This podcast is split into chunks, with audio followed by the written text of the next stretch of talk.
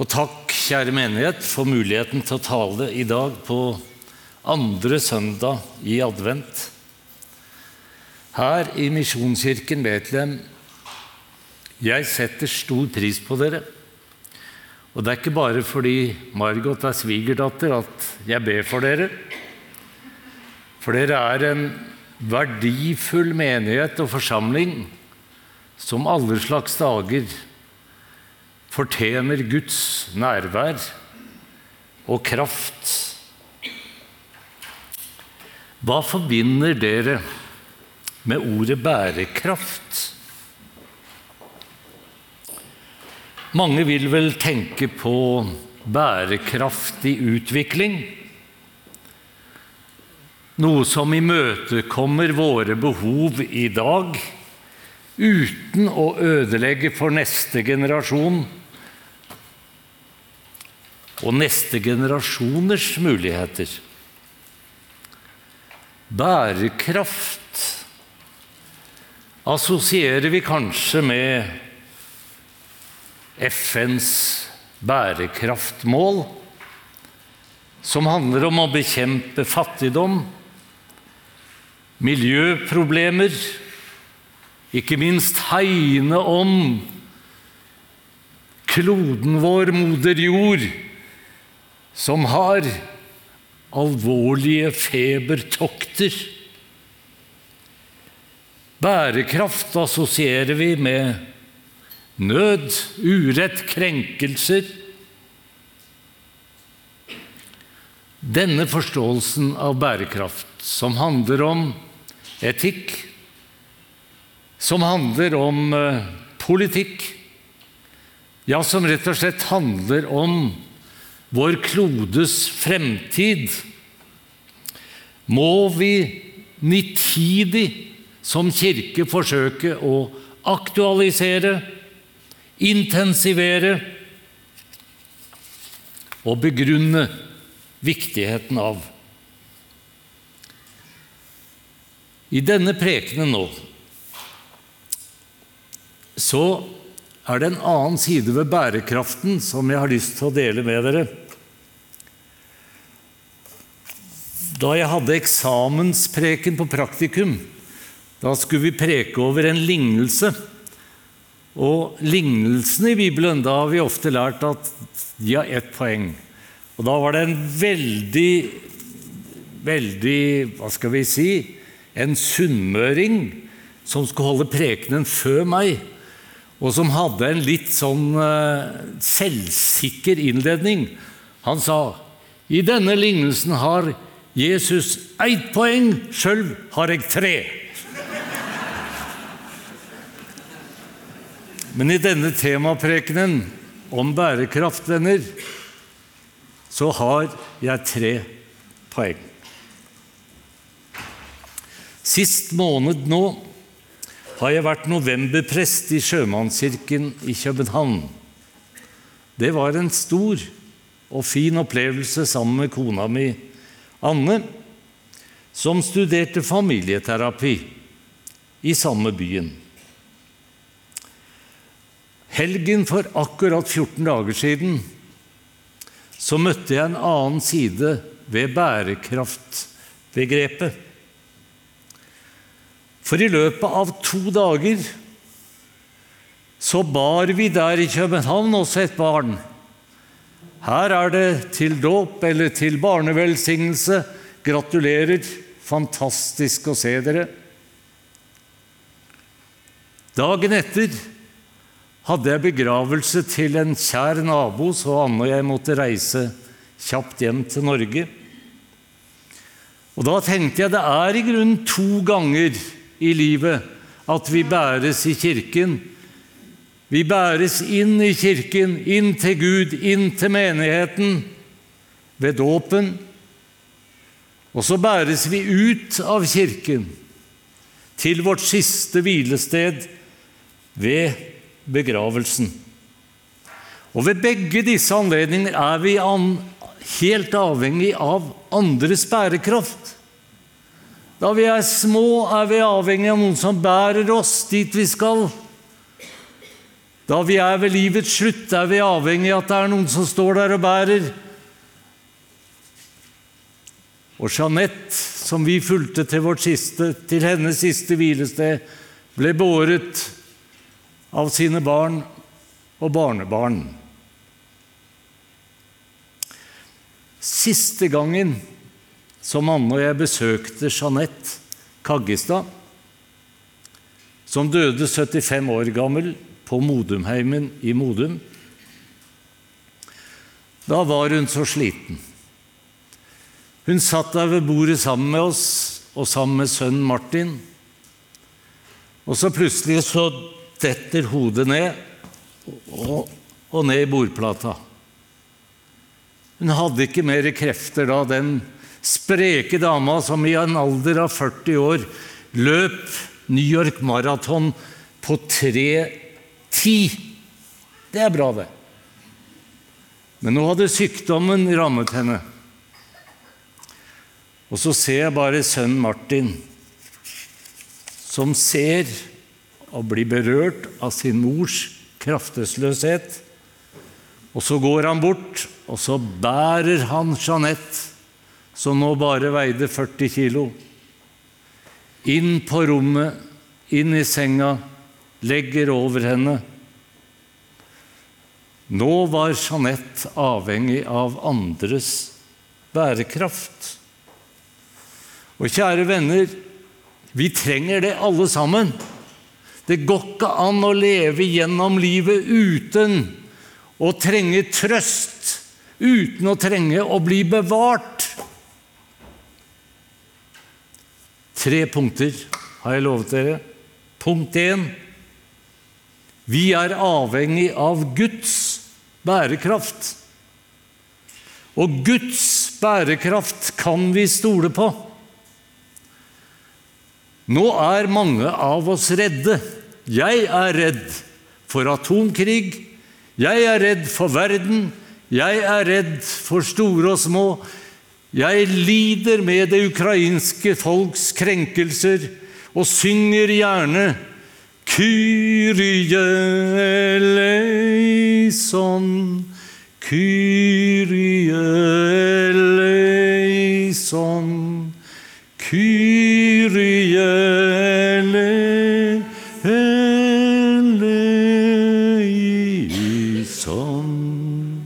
Det er det ukrainske Kyrie, som i dag synges rundt i hele Ukraina, i deres messer.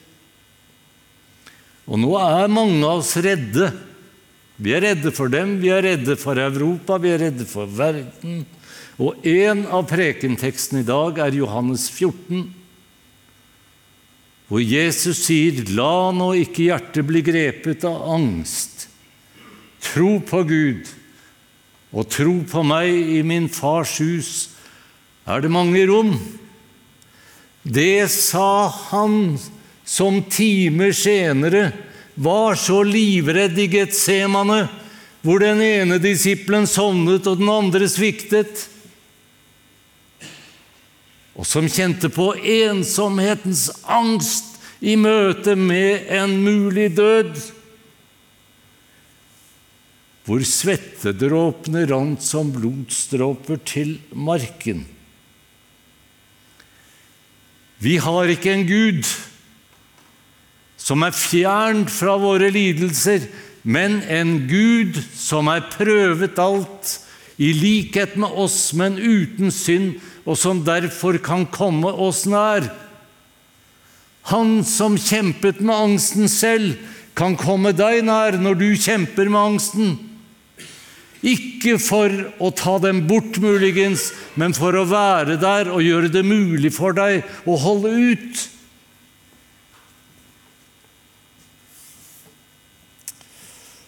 Kjære venner, vet dere hva jeg er fryktelig glad for? Også i møte med familier som bærer sitt kjære barn fram. Vi tror ikke på en fremgangsgud, men på en nærværsgud. Gud har aldri lovet oss fravær av lidelse og angst, men han har lovet oss å være nær i vår lidelse og angst. Vi tror ikke på en lykkereligion, venner, med fake news og falsk idyllisering av virkeligheten. Men vi tror på en trøstegud som er her sammen med oss, full av nåde og full av sannhet. Eller som den svenske forfatter Ylva Eggehorn sier, så utrolig vakkert og viktig Vår Gud, sier Ylva. Vår Gud er den enda Gud med sår. Vår Gud er en Gud med kongekrone som fortsatt sitter på trone og har all makt, men han er også en lidende Gud med tornekrone.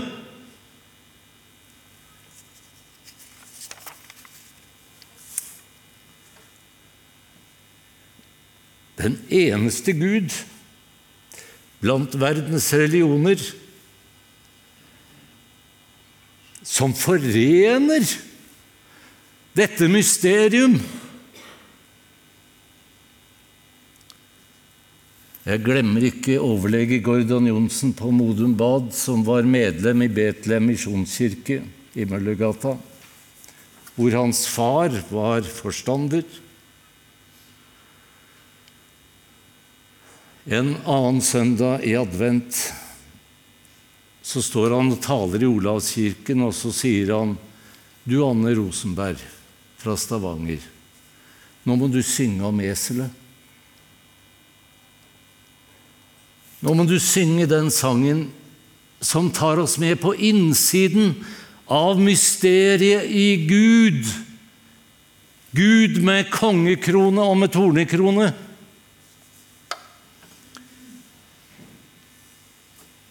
Og den sangen den har jeg lyst til å synge for dere på vei inn i punkt to og tre. Og jeg skal love at prekenen er avsluttet i løpet av ti minutter.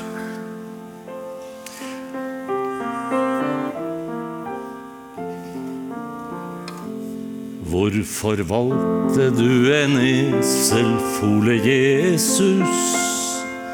Du kunne i det minste valgt en hest. Du gjorde deg så ussel og så liten, mens folkemengden ville lage fest. Hvorfor valgte du en tornekrone, Jesus? Du kunne fått en gullkrone så fin. For folkemengden ropte Hosiana. Velsignet kongesjansen var jo din. Hvorfor valgte du den smertefulle døden?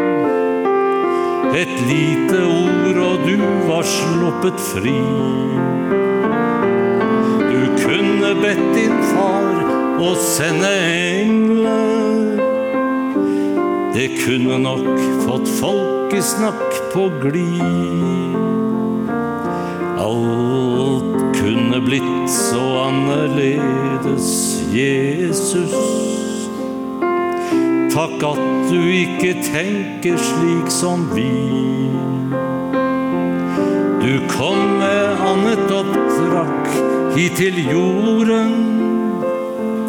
Hver undertrykt og fanget skal bli fri, og så det siste vers.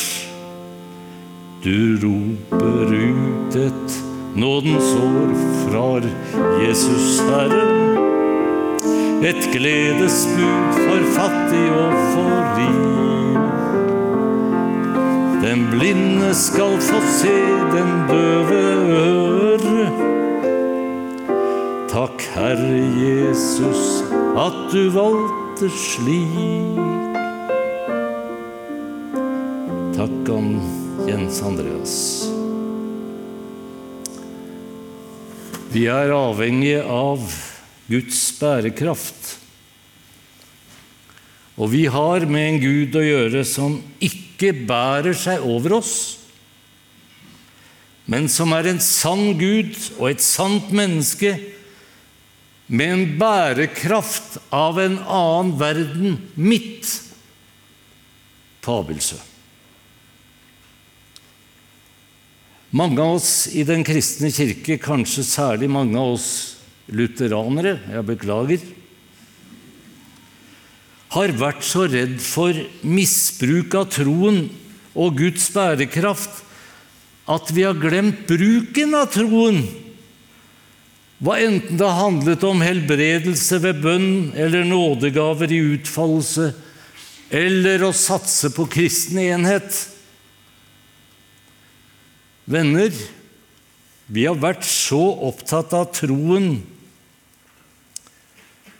som truer, og troen som tærer, at vi har underkommunisert troen som nærer, og troen som bærer. Nå er det tid for praksis og en bærekraftig utvikling. Ikke bare politisk, men dypt religiøst og eksistensielt. Og derfor vi må huske det du leste, Linn. Jeg er Gud, helt til dere blir gamle. Jeg vil bære dere helt til håret er grått. Jeg har alt gjort det. Jeg løfter. Jeg bærer og berger. Vi må ikke glemme Johannes 1.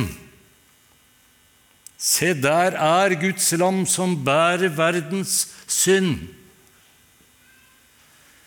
Kanskje din viktigste julerengjøring dette året skal være at du kommer til en av prestene og bekjenner dine synder, og på Guds vegne får tilsagt syndenes forlatelse, og blir ren og rettferdig himmelen verdig. Og vi må slett ikke glemme de som bar små barn til ham for at han skulle røre ved dem.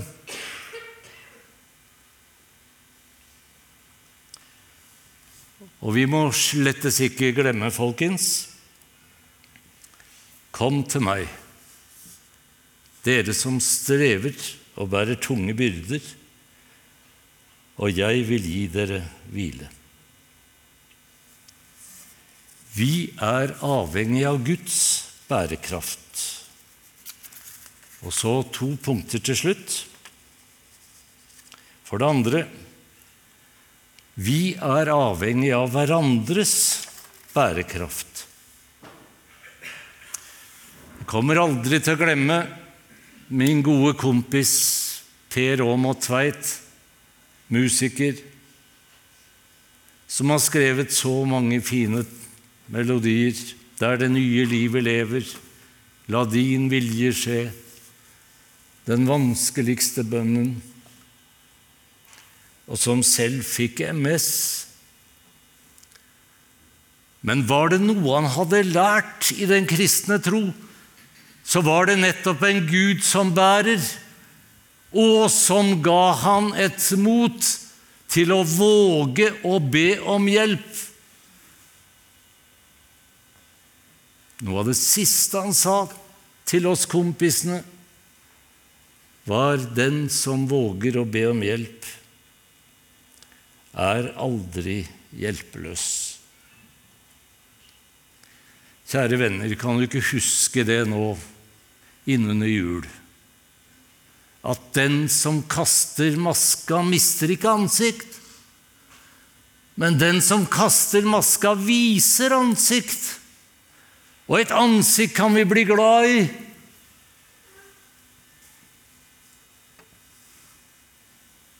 Til slutt leste Linn om de kompisene som bar sin venn som var lam, framfor Jesus for de hadde tro for at han kunne gjøre en forskjell. Og Grunnen til at jeg ba deg lese den, var at da vi trodde at far, Josef Dahl, skulle dø av forblødning på sentralsykehuset i Lørenskog, så kom hans nærmeste kamerat, sogneprest Magne Krohn i Bekkelaget. Og søstrene mine og jeg husker fortsatt at Magne sa til far nå er det ikke mye krefter i deg. Jeg tipper du orker ikke å tenke på tro engang. Nei, det er sånn det er, sa far. Men så står det da Jesus så ikke den sykes tro, men da Jesus så deres tro, sa han til den syke, dine synder er deg tilgitt. Ta båren din og gå. Og så står det da priste de Gud og sa noe slikt har vi aldri sett.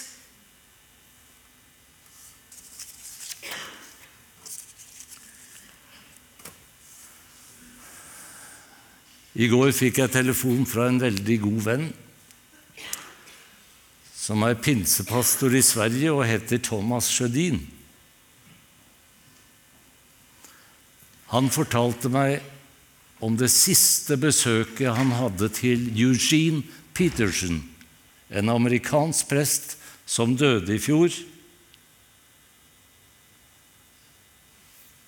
Da han fikk anelsen at han skulle dø, da samlet han alle sine i stua.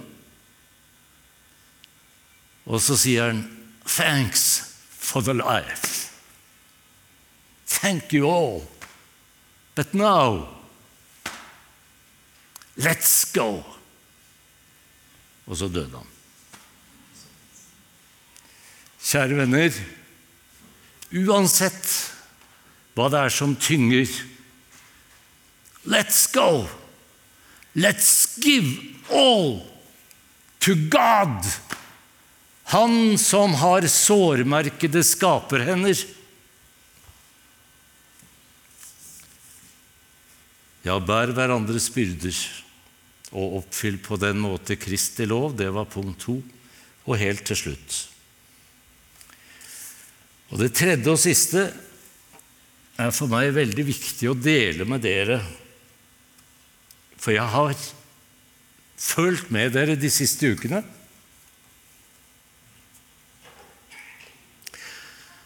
Alle menigheter som går igjennom vekst, opplever også av en eller annen grunn krevende faser. Paulus hadde en forkjærlighet for menigheten i Efesos som slett ikke var ulik menigheten på Abildsø. Gode lokaliteter, god tilstrømning. Men så har dere også vært igjennom uker med litt rystelser, med litt uenighet. Og så har jeg så lyst til å gi videre til dere det Paulus ga til menigheten i Efesos, og det er det siste. Så formaner jeg dere fordi punkt tre Hva var punkt én? Vi er avhengig av Guds bærekraft. Hva var punkt to? Vi er utfordret til å bære hverandres byrder. Og hva er punkt tre? Så la oss da bære over med hverandre i kjærlighet. Det er det Paulus sier til menigheten i Efesos. Så dere lever i mildhet, ydmykhet og storsinn. Så dere bærer over med hverandre i kjærlighet. Ja, venner, sier Paulus, sett alt inn på å bevare Åndens enhet i den fred som binder sammen. Så blir disse tre stående som min hilsen og Jesu hilsen til oss i dag. Vi kan stole på Guds bærekraft. Vi er avhengig av hverandres bærekraft. Så la oss bære over med hverandre i kjærlighet, for det er i Jesus vi lever, beveger oss og er til. Amen.